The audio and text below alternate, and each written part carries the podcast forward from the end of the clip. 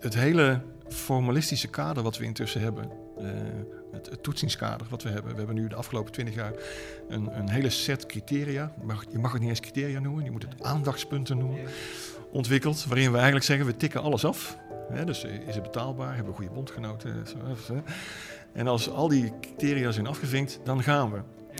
Nou, uh, ik weet niet, nou ik weet wel hoe militairen tegen dat proces aankijken. Die weten namelijk van tevoren dat als dat politieke besluit al genomen is, helemaal aan het begin van het proces, dat we die missie gaan doen, dan worden al die aandachtspunten afgetikt. Dat blijkt namelijk elke keer weer opnieuw. Als het politieke besluit genomen is, is de rest een invullingsexercitie. En dat maakt volgens mij veel militairen af en toe nog wel eens behoorlijk chagrijnig. Uh, dat doet me dan denken aan wat een militair wel eens tegen me zei: van ja, we willen dus wel met z'n allen eigenlijk vlees eten, maar we willen niet zien hoe die koe geslacht wordt of zo. En, en dat gevoel krijg ik er inderdaad wel vaak een beetje bij. Van nou, nou ja, dus uh, zijn er wel andere belangen die spelen die niet uh, prachtig zijn om, om, bevolkingen te bevrijden. maar dat willen we eigenlijk niet weten, dus gaan we er een heel verhaal omheen creëren. Welkom bij Appel, de podcast van de Meester Hans van Milo Stichting, het wetenschappelijk bureau van D66 waarin wij de verdieping opzoeken bij actuele politieke onderwerpen, altijd geïnspireerd door het sociaal-liberale gedachtegoed. Mijn naam is Daniel Schut en welkom bij de podcast. Um, we zitten in 2020 en het is ondertussen 75 jaar geleden dat president Harry Truman bij de oprichting van de Verenigde Naties zei: Oh, what a great day this can be. En de gedachte van de Verenigde Naties was dat we uiteindelijk met elkaar zouden gaan samenwerken om nooit meer oorlog te hebben. Er is een veiligheidsraad, er zijn allerlei charters opgericht om ervoor te zorgen dat we niet meer elkaar kapot gaan schieten. En in het kader, um, ja, in het kader hebben we dus ook iets als de vredesmissies. Wij sturen regelmatig militairen op pad over de hele wereld om daar de vrede en de veiligheid te handhaven. En voor D66 als politieke partij, ja, wij staan voor vrede en recht. Wij staan voor de internationale orde, wij staan voor mensenrechten. En, en onze insteek is dan ook altijd dat wij onze militairen op pad sturen om, zoals wij dat dan zouden noemen, goed te doen in de wereld. Maar als we dat dan doen, iets goeds doen in de wereld, dan gebeurt er daarna direct iets zoals bijvoorbeeld Hawija met 70 burgerdoden en dan schrikken we toch. En het lijkt dan wel alsof voor ons als sociaal-liberalen er een soort spanning zit tussen oorlog aan de ene kant en het handhaven van de vrede aan, de ene kant versus dat het toch wel een bloederige business is aan de andere kant. Om die spanning verder te onderzoeken hebben we vandaag twee sprekers. De eerste is dokter Christ Klep. Christ, stel je jezelf even kort voor. Ja, militair historicus. Tenminste, zo word ik meestal uh, aangekondigd. Een uh, achtergrond uh, bij Defensie en tegenwoordig vooral universitair docent en uh, onafhankelijk onderzoeker. En, en in 2009 promoveerde je op? Op een onderwerp waarin ik drie verschillende, ja, wat ik dan maar even voor het gemak noemde, ontspoorde vredesmissies heb vergeleken. En een daarvan was Srebrenica. Ja, dat is dit jaar natuurlijk met juli in aankomst ook weer een belangrijke datum. Extra gevoelig inderdaad. Zeker, ja, precies. Ja. En daarnaast zit Tine Molendijk, ja, dokter Tine Molendijk. Ja. Inmiddels ook. Uh, ja, ik werk uh, tegenwoordig bij Nederlands Defensie Academie als universitair docent daar. En ik ben gepromoveerd, uh, nou ja, ook op Srebrenica en Oeruzgan. maar dan in relatie tot ja, wat dan morele verwonding heet onder militairen. Dus psychische problematiek die ze op kunnen lopen door morele dilemma's die ze, uh, die ze kunnen meemaken tijdens en na uitzending. Ja, die promotie was recent. Kun je even kort wat vertellen wat moral injury precies inhoudt? Morele verwonding, wat dat is? Ja, nou, uh, ja, wat ik een beetje eh, zei, militairen kunnen tijdens uitzending morele dilemma's meemaken. Ze kunnen ook hun eigen morele grenzen overgaan. Gevoelens van zinloosheid, al dat soort moreel kritische situaties kunnen ze geconfronteerd mee worden. en dat kan later leiden tot, nou, aan de ene kant diepe gevoelens van schuld en schaamte om wat ze wel of juist niet hebben kunnen doen. En aan de andere kant daarmee ook uh, boosheid en verraad naar leidinggevende organisatie, politiek toe. Uh, omdat ja, er meerdere actoren natuurlijk betrokken waren bij die situaties die ze mee hebben gemaakt. Er zit dus een soort spanning tussen aan de ene kant een land, een politiek die beslist, we gaan daar een missie uitvoeren. Um, onder andere Srebrenica is al vaker genoemd, dus misschien is het goed om dat ook wat verder te bekijken. Maar een spanning dus tussen de leidinggevenden die zeggen, we gaan daar een missie uitvoeren, versus uh, de, de mensen op de grond daar, de mensen die met hun poot in de modder, die moeilijke keuzes moeten maken en die ze dus afvragen, heb ik wel een soort backing daarvoor of maak ik nu verkeerde keuzes en wat betekent dat precies? Ja, of überhaupt inderdaad dat ze in situaties al komen waarin ze moeilijke keuzes moeten maken, omdat ze tegelijkertijd bijvoorbeeld het ene moeten doen, maar ook met allerlei beperkingen op pad worden gestuurd, waardoor ze eigenlijk niet mogen doen wat ze. Uh, kun je daar een voorbeeld van noemen? ja, nou ja, er zijn vele voorbeelden. Nou, in, in Oerskamp bijvoorbeeld, er zijn ook de echt dramatische situaties ook wel vaak met, met, met kinderen erbij. maar waarbij het ene kant het idee was om toch nou, onder andere aan wederopbouw te doen. Naast ook vechten, nou, daar komen we misschien ook wel op terug. Maar dat er vaak Ehm, kindjes die als seksslaven, zouden wij als Westelingen zeggen, uh, werden gebruikt door machtige mannen. Die dan ook aangeboden werden aan de militairen daar. En ja, die daar wel of niet iets van konden zeggen, omdat dat ook die machtige mannen waren waar ze mee moesten samenwerken om die missie tot een succes te laten zijn. Ja. Um, dat is een spanning die voor heel veel mensen niet in de koude kleren gaan zitten. En, en zeg je daarmee eigenlijk, en heb je dat uit je onderzoek ook uh, laten blijken, dat wij misschien te onverantwoordelijk omgaan met onze soldaten in die zin? Dat we ze niet voorbereiden op dit soort lastige situaties? Nee, ik denk eigenlijk absoluut wel dat, die, dat, dat de militairen vaak wel, voor zover dat kan, zijn voorbereid. Uh, uh, ja, voor zover dat kan. Maar ik denk dat het hele probleem, zou ik zeggen, vooral ligt dat we in Nederland intussen compleet andere discussies voeren over wat die werkelijkheid is. Uh, als jij dus dat soort dingen meemaakt, met van die kindjes, of je raakt in vuurgevechten waarbij je vuursteun wil verlenen, maar die toestemming komt maar niet, omdat die commandanten intussen de politiek moeten bedrijven op hun niveau van ja. Um, wat zijn de repercussies van als wij nu inderdaad tot zwaarder geschut overgaan? En in Nederland gaat de discussie intussen alleen maar over hoeveel putjes zijn er geslagen en is dit echt wel een wederopbouwmissie? Uh, die, uh, of dat het een gevechtsmissie is die stiekem vermomd is als wederopbouwmissie. Ja. ja, dan werkt het compleet vervreemdend. Dus eigenlijk zeg je, wij voeren in, discussie de, in Nederland de discussie op de verkeerde manier soms een discussie ja, die ver afstaat van de operationele werkelijkheid in ieder geval. En waarbij denk ik heel relevant is dat het niet alleen een is die soms heel anders is dan wat mensen daar meemaken, maar die daar dus wel ook directe invloed op hebben. Als wij hier in Nederland een flink maatschappelijk debat alleen maar voeren over wordt er niet te veel gevochten en kan dit wel en mag de politie die we daar opleiden, wat bijvoorbeeld in Kunduz gold, um, uh, worden die niet ingezet voor gevechtshandelingen? Ja, dan heeft het ook hele directe gevolgen. Want ook ja, tot op het laagste niveau moeten commandanten dan uh, veel voorzichtiger gaan handelen. En moeten er eindeloos discussies gevoerd worden. Zelfs op het moment dat er vuurcontact is, dat er mensen in gevaar lopen, moet er soms nog tot erg hoog in de boom om toestemming gevraagd worden. Ja, ja. Christ, zijn wij te, te idealistisch als het gaat over ons wereldbeeld?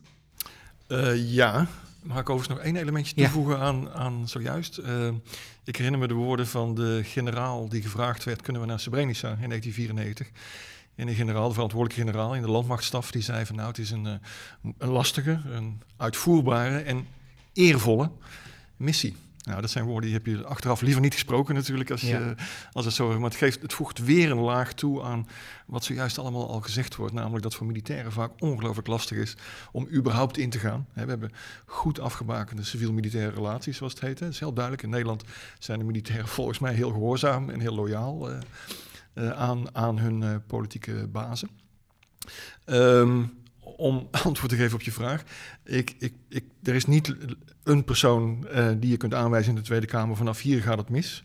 Of vanaf hier is het idealistisch. Maar als ik ergens een scheidslijn zou moeten leggen, dan zou dat ergens toch bij D66 zijn in de, in de, in de Kamer. Uh, qua politieke uh, oriëntatie. En ik denk dat alles wat links en linkser zit van D66, althans, het is mijn ervaring met politieke contacten.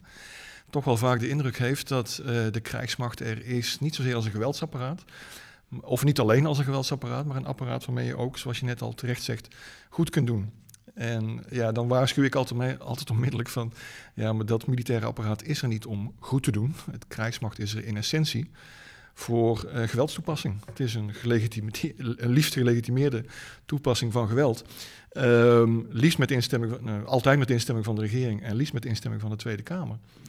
Uh, alles wat daarvan afwijkt, dat is een vredesorganisatie, dat is een NGO, dat is hulporganisatie. Um, zolang we dat beeld hebben, dat, dat dualistische beeld van een militaire organisatie, ook om goed te doen, en daarmee vaak ook het wegredeneren van geweld, ja denk ik dat we een probleem houden. Je zegt, uh, wij zitten dus als partij zitten wij heel erg op de, de, de scheidslijn eigenlijk. Dat denk ik, ja, ja, Dus het is, we zijn een beetje idealistisch en een beetje realistisch. Iets verderop bij PvdA zou ik hetzelfde zeggen. Ook, oh ja. nee hoor, nee, grapje. Je bent gewoon toevallig hier nu vandaag. ja, precies. Nee, Maar ik denk dat daar ongeveer 50-50 de scheidslijn ligt. Ja, ja.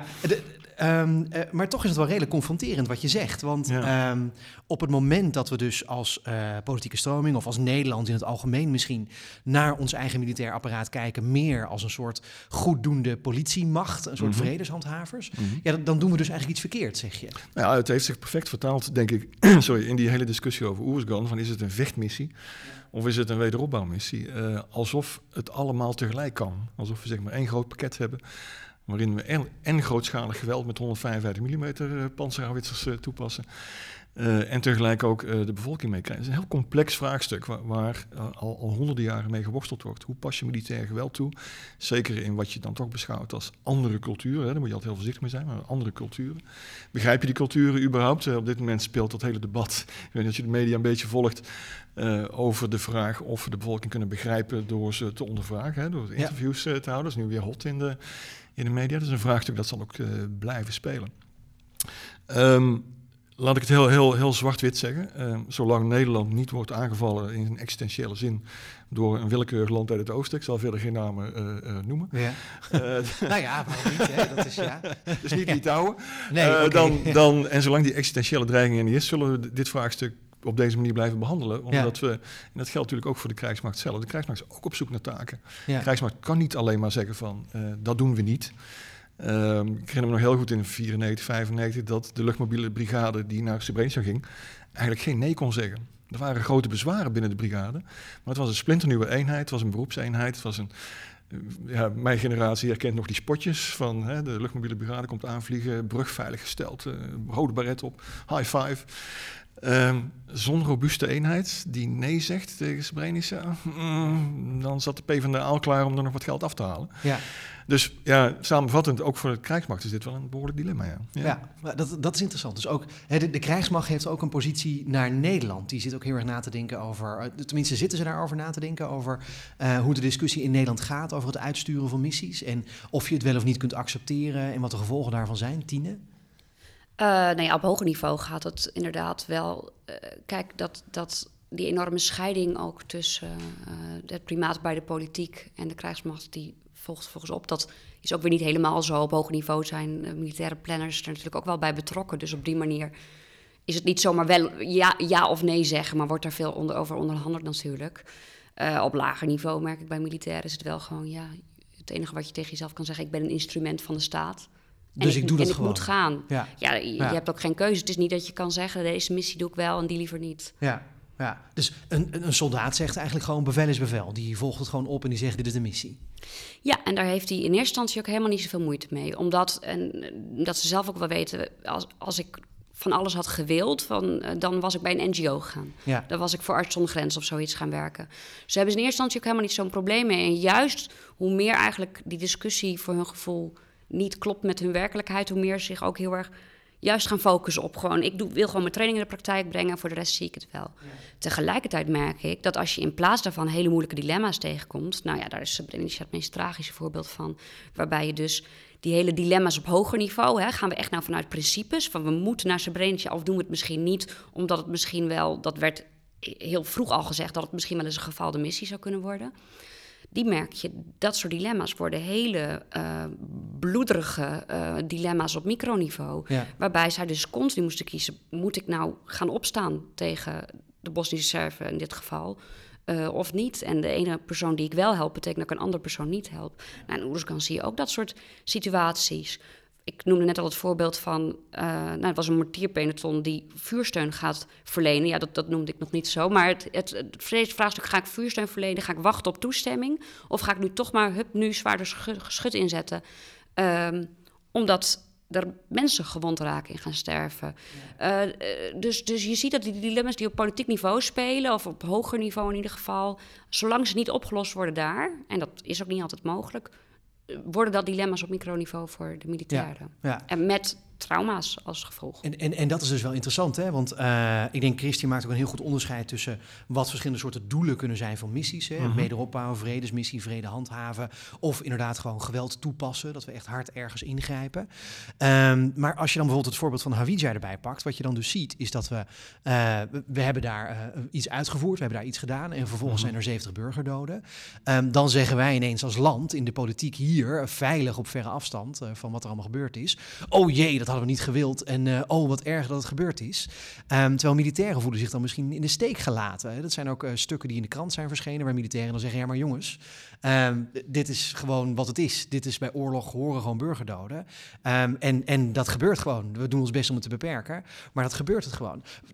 Voelen die soldaten zich in dat soort missies dan ook in de steek gelaten? Uh, Christ eerst en dan denk ik Tine, want Tine heeft er nog iets meer mee te maken gehad. Ja, wat, wat we de afgelopen decennia hebben geprobeerd, ook omdat we, denk ik, veel politici dat geweld inderdaad zien als iets wat goed doen eigenlijk is, is dat we zoveel mogelijk hebben geprobeerd om dat te vatten in criteria en uh, geweldsregels. En, en ja, ik zeg wel eens, we proberen de oorlog echt tot een bureaucratisch uh, ja. iets te maken. Ja. En dat is het niet. Oorlog is nooit een bureaucratisch spel. Dat, uh, dat kan helemaal niet. Dus wat gebeurt er in Hawija? Ik denk dat uh, na het bombardement. Uh, als daar onmiddellijk openheid van zaken was gegeven, maar dat is misschien een wensdenken van mijn kant. Uh, openheid van zaken was gegeven. Dan was onmiddellijk uitgelegd van luister eens, uh, inderdaad, het, het, is misgegaan, maar shit happens in, in oorlog. Ik merk dat ook heel veel bij buitenlandse collega's die dat zeggen. Franse, Britse, Amerikaanse collega's. Die, als wij hier in Nederland spreken over Srebrenica of over Oerskan zelfs of over Hawija. Dat ze shit happens, weet je wel, dat is, dat is oorlog. En dan moet je dan goed regelen. En misschien met schadevergoedingen en wederopbouwprogramma's. Dat, dat, er moet een compensatie komen, er moet een vorm van genoegdoening komen. De fout zit er veel meer in, um, en dat hebben we natuurlijk ook geleerd uit Srebrenica en uit andere uh, zaken waar het misgaat. Als je vanaf het begin probeert voor militair geweld toe te dekken, de effecten van militair geweld toe te dekken. We discussiëren dit jaar weer over Indië, 75 jaar geleden, en uh, alles wat daarmee samenhangt. Uiteindelijk komt het altijd neer op die ene vraag: was het geweld wat is toegepast redelijk? Of legitiem, hoe je dat verder uh, wil noemen. Waar het misgaat in de discussie over Witja is eigenlijk dat we het tot een politiek probleem gemaakt hebben. He, dus op een bepaald moment zegt de minister uh, dingen waarvan de Tweede Kamer vindt. Ja, krijgen we nu de volledige politieke uh, informatie, minister? Komt via de media, dat weet je zeker. Dit is, dit is spekkie voor het bekje, zeggen we altijd voor, uh, voor de journalisten. Het is fantastisch. Hier komt ja. alles in samen. Leed, drama, uh, mislukkingen, geweld. Dus voor journalisten, die zitten echt te likkenbaden achter ja. om dit te onthullen.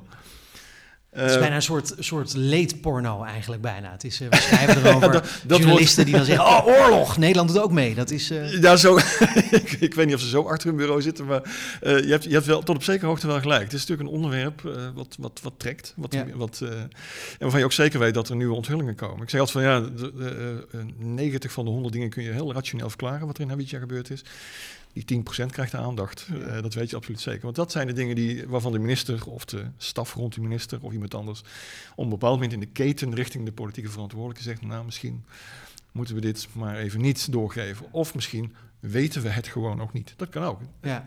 Uh, maar dat alles. kunnen we natuurlijk niet. We kunnen niet zomaar gaan afwachten en zeggen we weten het niet. We weten het nee, nee, van, van Clausewitz noemen het al. Good old van Clausewitz noemen het al. De frictie van de oorlog. Weet je wel. Ja. Op het moment dat de oorlog begint gaan alle plannen de deur uit. En, en gebeuren er allerlei dingen die, waarvan je achteraf zegt van hoe is dit in hemelsnaam mogelijk? Hoe ja. is het in Hawija mogelijk dat we met zoveel goede inlichtingen precies ja. dat ene plek raken, waardoor we enzovoort enzovoort. En die hele keten ontstaan. Um, achteraf kun je dat allemaal keurig reconstrueren. Maar de politieke schade is al aangebracht, uh, denk ik. Ja. En ook, ook de militaire schade. Nou, nou, want dat is inderdaad hè, de, de vraag waar ik net even mee begon. Hè. Dat is dus uh, de, de, beetje die spanning tussen de politieke discussie en militairen. Um, militairen voelen die nu ook een soort gebrek aan ruggensteun? Of uh, Tine, ga je gang? Ja, nou ja, het is natuurlijk wel zo. Bij Hawija was het uh, los van een, een, roep omdat het moord was, is het wel niet zozeer op. Die, die, die operators valt wel mee in hoeverre die uh, de schuldvraag in de schoen ge, uh, geschoven kregen.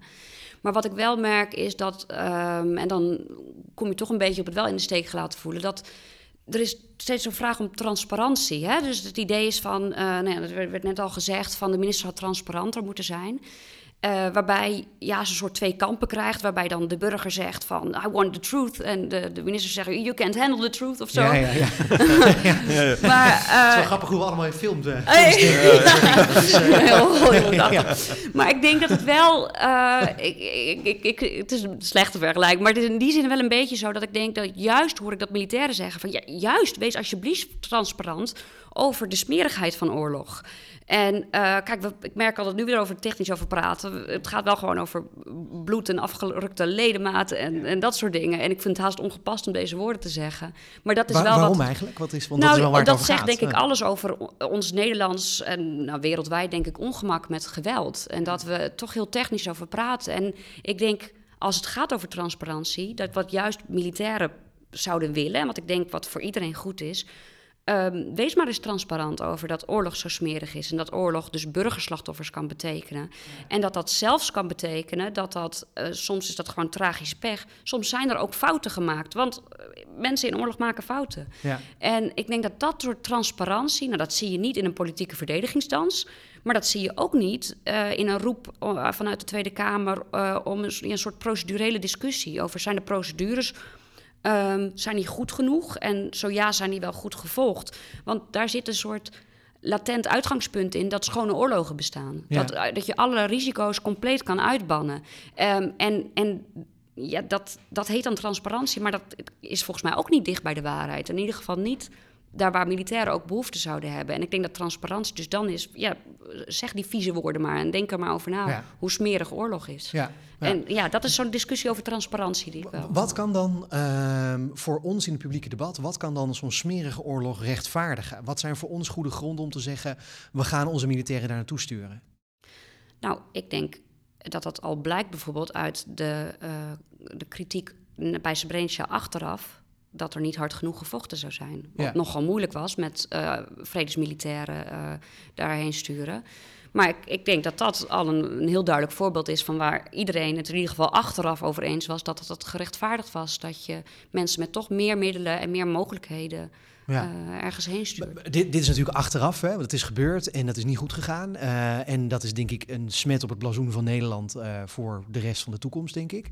Um, maar wat we dus daarvan meenemen is, uh, geef militairen dus een sterker mandaat mee. Is nou, dat...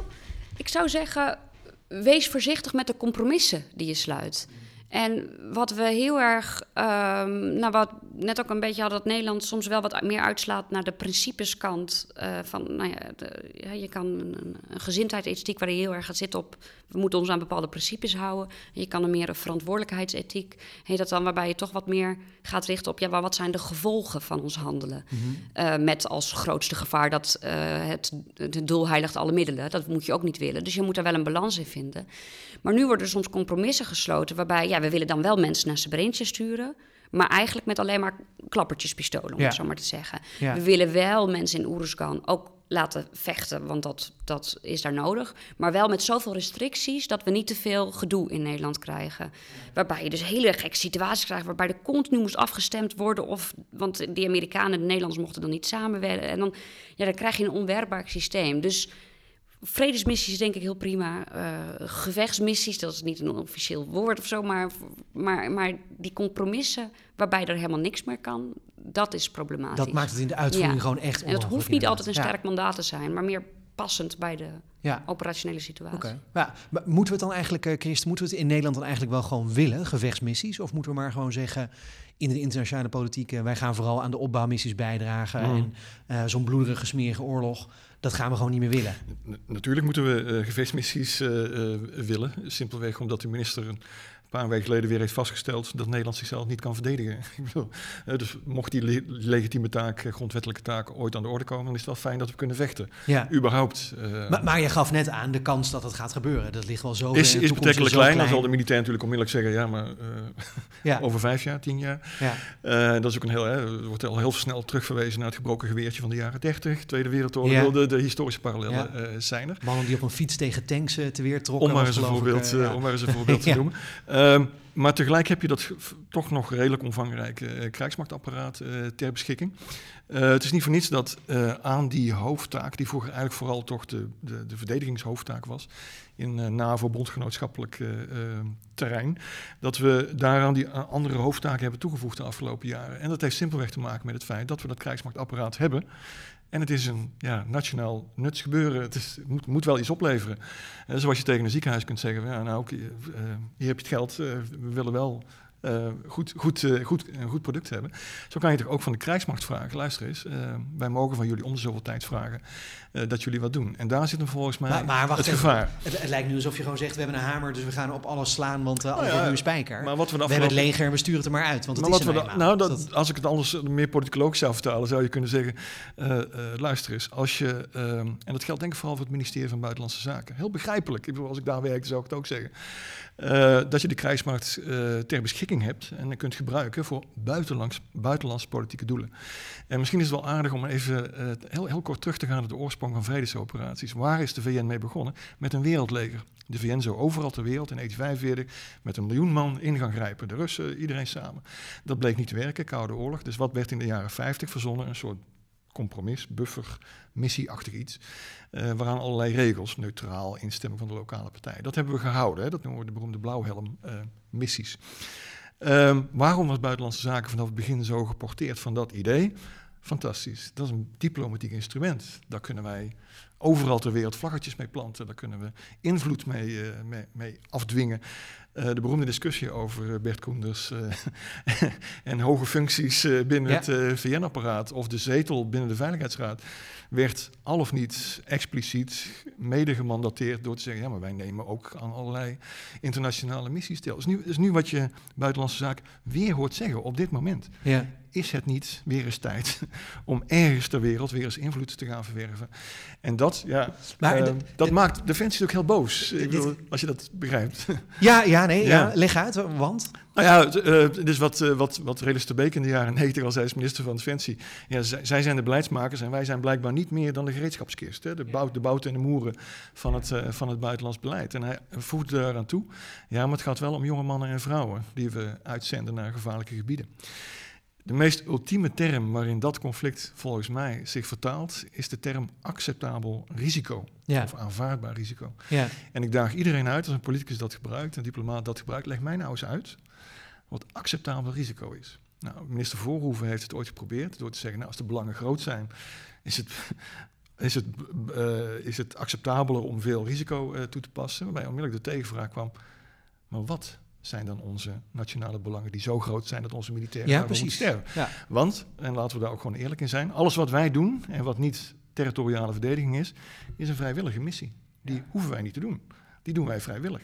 Dat maakt de vraag van wat wil je daar dan precies mee? En moeten daar mensen voor sterven? Om het dan weer eens heel cru te zeggen. Maakt die vraag natuurlijk extra pregnant. Nou, maar je, je, je, kwalificeert jezelf nu door te zeggen, eh, om het zo cru te zeggen. Ja. Maar je maakt wel een belangrijk punt tussen Ja, de spanning tussen buitenlandse zaken aan de ene kant, defensie aan de andere kant. Waarbij buitenlandse zaken dus zegt, we hebben politieke doelen, maar die politieke doelen zijn altijd een keuze. Ja. Ehm, we worden niet aangevallen tot nu toe. We zitten in allerlei verbanden waardoor de kans daarop ook redelijk klein is misschien. Dat Ja. weten we niet helemaal zeker. Dus als we nu een militaire missie doen, dan is dat naar buiten toe een ander land of een andere gemeenschap of een andere cultuur dwingen iets te doen wat ze van zichzelf niet willen omdat wij dan maar zeggen, ja, Buza heeft dit diplomatieke doel. ja, en dan kom je weer op dat ene eh, ultieme argument uit. En dat is dat iemand tegen je zegt, maar je wilt toch wel dat Nederland goed doet? Ja, Dus nou, wil, eh, een diplomaat zit in een forum en zegt in de Veiligheidsraad of zegt in, een- in, in, bij de UNESCO of waar dan ook. eh, waarom doen wij dit? Ja, dat is omdat Nederland de internationale rechtsorde wil bevorderen. Ja. We willen goed, we willen mensen redden. Ehm, het, het hele formalistische kader wat we intussen hebben, eh, het, het toetsingskader wat we hebben. We hebben nu de afgelopen twintig jaar een, een hele set criteria. Mag, je mag het niet eens criteria noemen, je moet Nee. het aandachtspunten noemen ja. ontwikkeld, waarin we eigenlijk zeggen, we tikken alles af. Hè, dus eh, is het betaalbaar, hebben we goede bondgenoten. Zo, hè, hè. En als al die criteria zijn afgevinkt, dan gaan we. ja. Nou, eh, ik weet niet nou, ik weet wel hoe militairen tegen dat proces aankijken. Die weten namelijk van tevoren dat als dat politieke besluit al genomen is, helemaal aan het begin van het proces, dat we die missie gaan doen, dan worden al die aandachtspunten afgetikt. Ja. Dat blijkt namelijk elke keer weer opnieuw.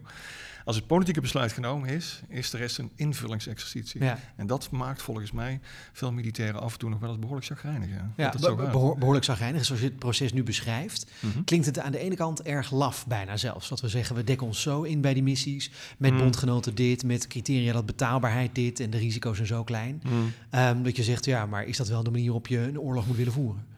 Ehm, ik, ik denk dat als je, dan gaan we helemaal terug naar die basisvraag. Hè. Ja. Wat, is militair geweld? Militair geweld is niet leuk. Militair Ja. geweld is bloederig. Militair geweld is eh, eh, shit happens. Ehm, dan kun je eigenlijk twee kanten op. Je kunt zeggen, nou dan gaan we als Tweede Kamer en als politiek nog meer regels opstellen. Nog de geweldsregels nog krapper en nauwer Ja. en, en, Ja. scherper maken. Of je gaat de kant op waarin je zegt van luister eens, in die, in die civiel-militaire verhoudingen, die een eeuwenoud probleem zijn, eh, geef ik de militair op een bepaald moment de vrijheid of de verantwoordelijkheid om bepaalde taken uit te voeren. Het is niet de Tweede Kamer die discussieert over de vraag: is het kamp veilig genoeg in Oeverskan? Het zijn de militairen Ja. die bepalen of dat kamp veilig genoeg is. En daarop ook advies geven. En ik vind, en dat maak ik mezelf niet populair bij, bij Defensie, maar ik vind af en toe ook dat de defensieleiding, de militaire defensieleiding, eh, vooral de commandant de strijdkrachten, af en toe eens wat harder met zijn vuist op tafel zou kunnen slaan.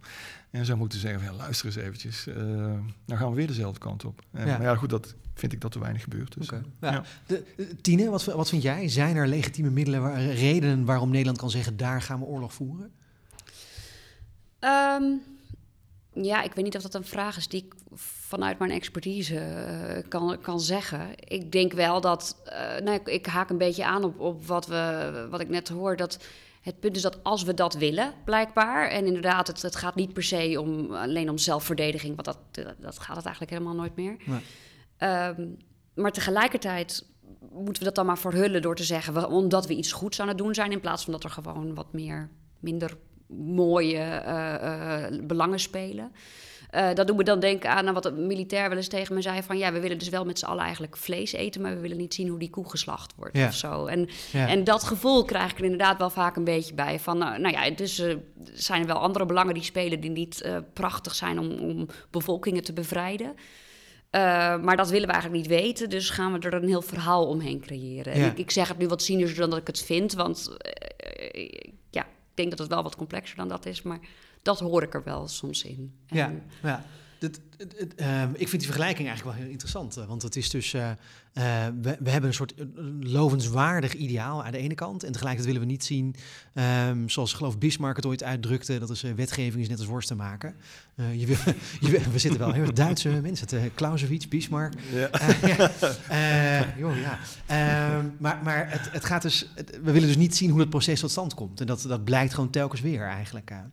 Het, het, een klassiek onderscheid natuurlijk in het oorlogsrecht, of de filosofie rondom oorlogsrecht, is natuurlijk het onderscheid tussen eh, eh, een, een reden om oorlog te willen voeren, jus ad bellum, en jus in bello. Oftewel de regels die je hebt binnenin de oorlog. En eigenlijk geef je aan ook, tussen die twee dingen, daar zit continue spanning. We willen elkaar eh, als mensheid, als Nederlanders hier in Den Haag, in de Kaastolp, in de media, willen elkaar een verhaal vertellen over. We hebben gerechtvaardigde grond om ergens naartoe te gaan. Dus jus ad bellum, dat vinden we op zich prima.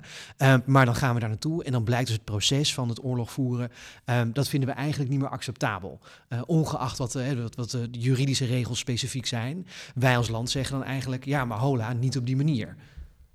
Ja, en nou ja, nee, het interessante daarbij is dus wel dat je het ook eigenlijk helemaal niet zo uit elkaar kan trekken. En Nee. dat, is, dat speelt dan dus voor militairen. Dat als wij om bepaalde, ehm, om een vlaggetje te planten ergens heen gaan.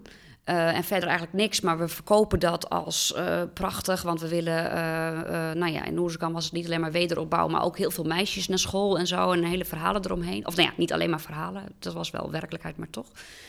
Ehm, Ge- gelukkig, het gebeurde wel echt ook. Dat was, ja. er, er werden wel echt dingen ondernomen, ja hoor. Dus maar, maar, maar, maar, ja, dan vervolgens ehm, moeten militairen, die mogen daar eigenlijk niet zoveel doen. Want ehm, eh, die mogen dan wel een putje slaan, maar toch niet te veel vechten. Maar ook toch weer wel, weer niet. Ja. Ehm, dan krijg je natuurlijk een poppenkastgevoel. En dan is jus ad bellum en jus in bello niet uit elkaar te trekken. Ja. Want dan heeft de reden om ergens heen te gaan... heeft alles te maken met hoe je een missie inricht. Ehm, En eh, nou ja, dat, dat, dat maakt militairen eh, wel zuur. Zeker als ze daardoor allerlei heftige dingen meemaken... die ze dan niet eens een hogere zingeving kunnen geven... omdat het dus eigenlijk een Ja. poppenkast was voor Ja, hun gevoel. precies. Ja. Met als gevolg dus dat sommige van onze militairen ook in de media bijvoorbeeld moordenaars genoemd worden of koelbloedige killers. Ehm, wat onder andere op allerlei plekken gebeurd is, maar bijvoorbeeld over Hawija, zijn dat soort dingen wel geroepen over onze militairen.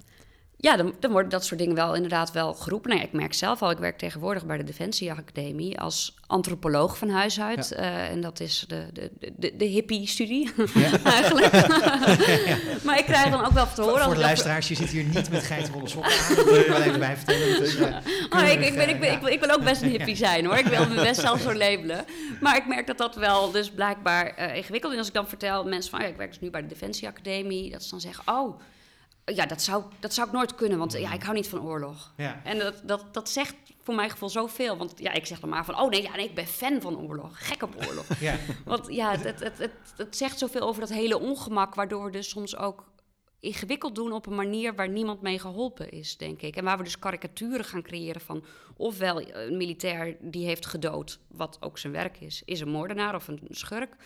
Ehm, ofwel, eh, dat zie je nu soms heel erg, de aandacht voor PTSS. Dat doe ik ook wel in mijn onderzoek en dat vind ik heel belangrijk. Maar soms ehm, denk ik dat die hele grote aandacht op slachtoffers van PTSS ook een manier is om onszelf gerust te stellen. Van, oh zie je wel, ook, ook zij hebben last van oorlog en Ja. oorlog is slecht. En ehm, ja, Een, een soldaat is een patiënt dan eigenlijk meer inderdaad. Als die eenmaal uitgezonden is geweest en dan komt terug, dan natuurlijk vind je het heel erg wat je allemaal gedaan hebt. Ja, nou ja, en zeker als je het een patiënt maakt, dan wordt het alsnog, ja, die heeft een ziekte eh, tussen de oren. En dat moet je met therapie oplossen. En dan hoef je er ook als samenleving nog niet over na te denken over Ja. wat jullie publieke debat eh, ermee te maken heeft met hoe zo'n missie wordt ingericht.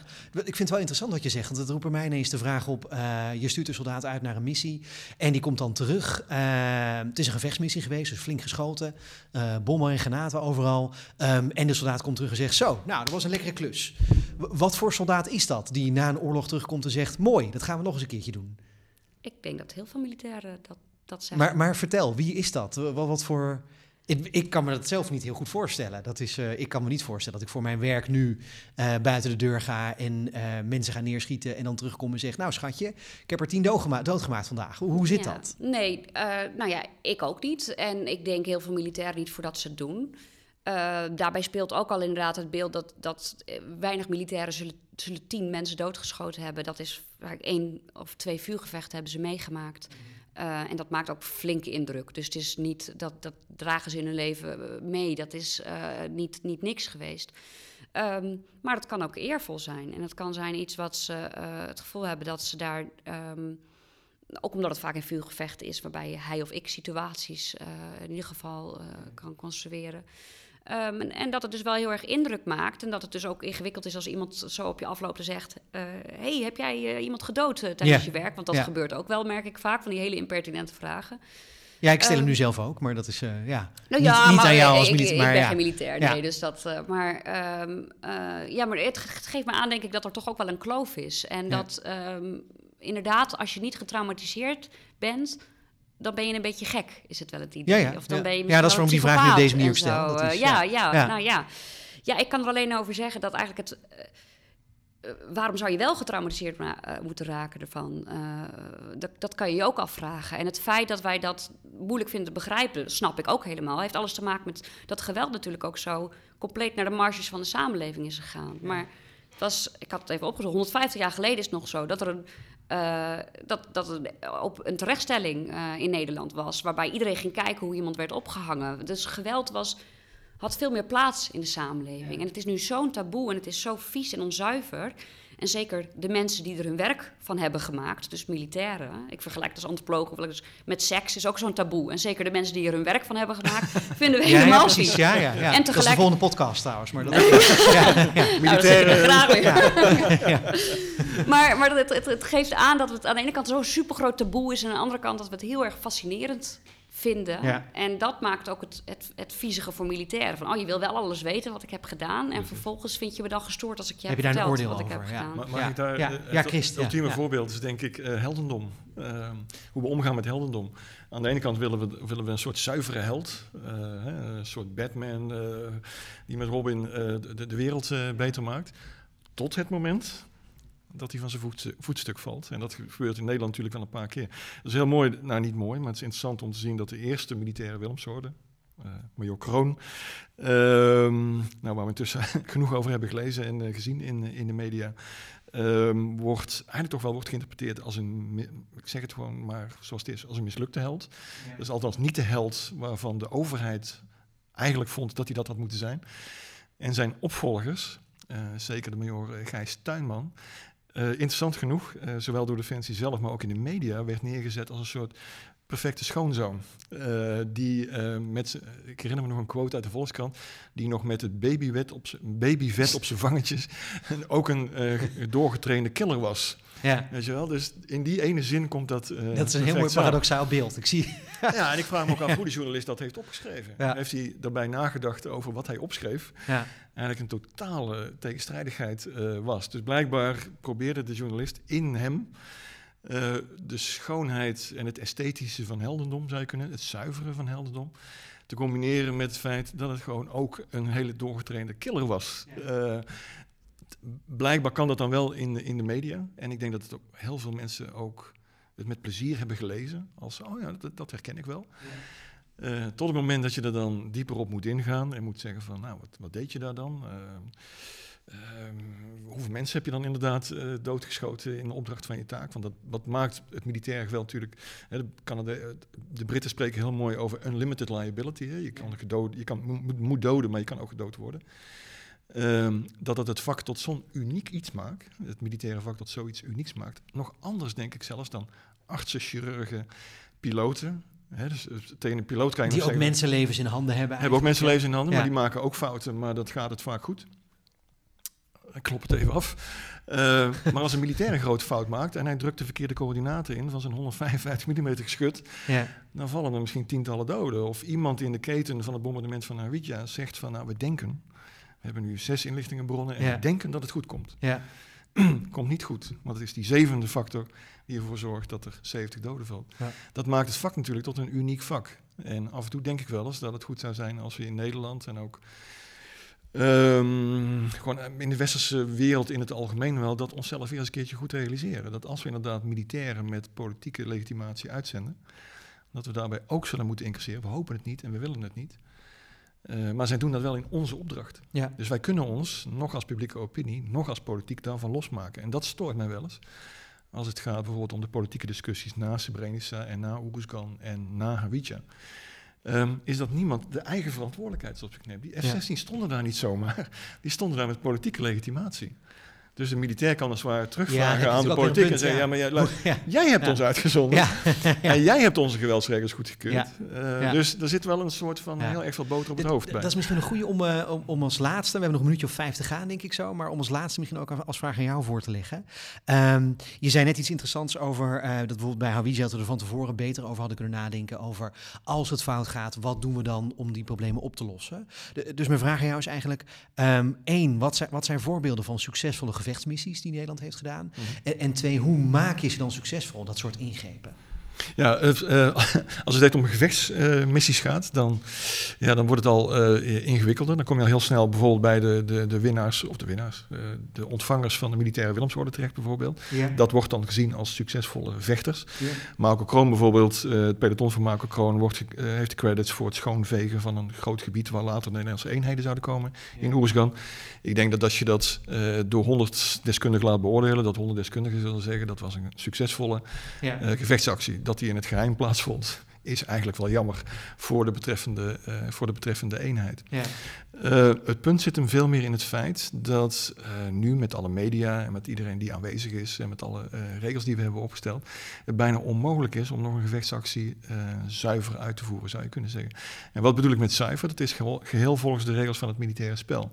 Waarbij dus de militair zegt, luister eens, daar zit een vijand. Eh, dat is iets, een vraag die zich in Oerskan natuurlijk tientallen keren heeft afgespeeld. Ja.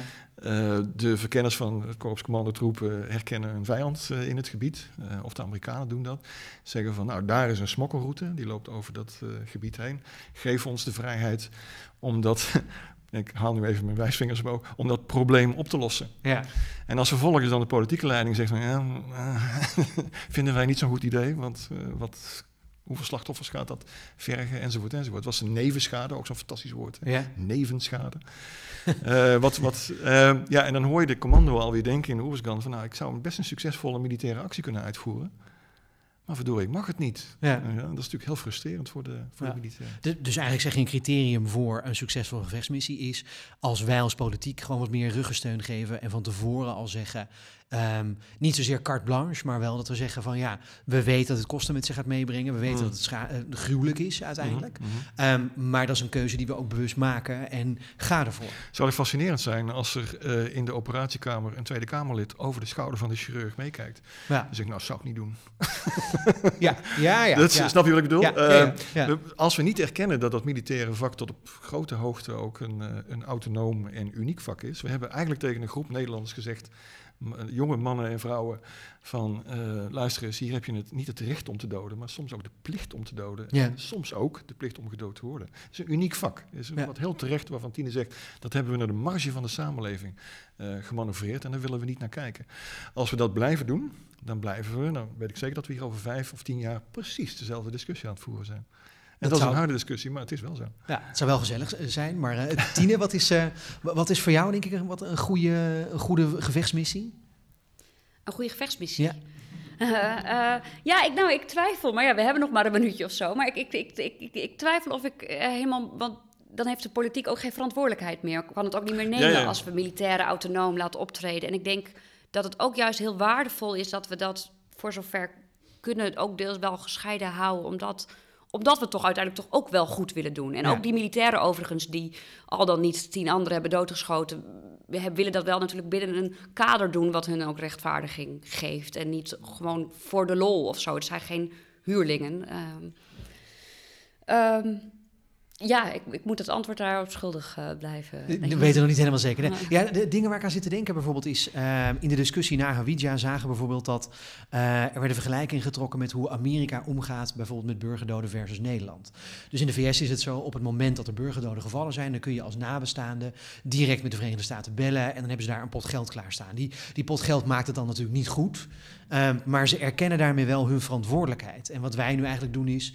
we laten die verantwoordelijkheid een beetje tussen de plinten door wegrollen... en zeggen, oh, dat is het dan eigenlijk Nou, dat precies. zeker. Wat, de, de, er is ook eh, sinds enkele tijd een derde categorie, eh jus postbellum, wat we nog niet hebben genoemd. Dus het Nee. recht eh, na oorlog. En ik denk dat daar goed op ingezet mag worden.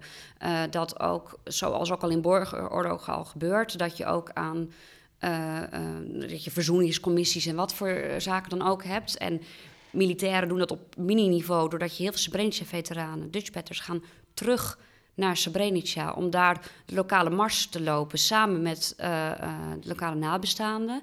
Uit solidariteit. Sommigen zelfs zeggen het uit een soort van boetedoeningsgevoel. Ja.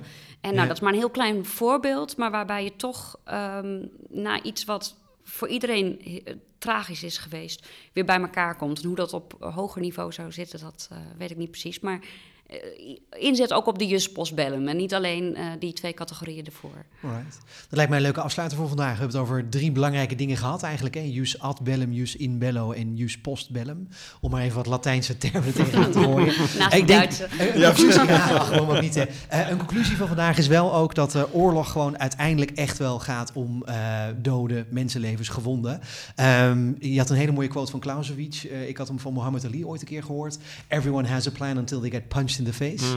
Ehm, ik denk dat dat ongeveer wel de conclusie is voor vandaag. Eh, dank voor jullie komst hier. Chris Klep, dankjewel. Graag gedaan. En eh Tine Moderdijk, dankjewel. Tot de volgende keer. graag gedaan.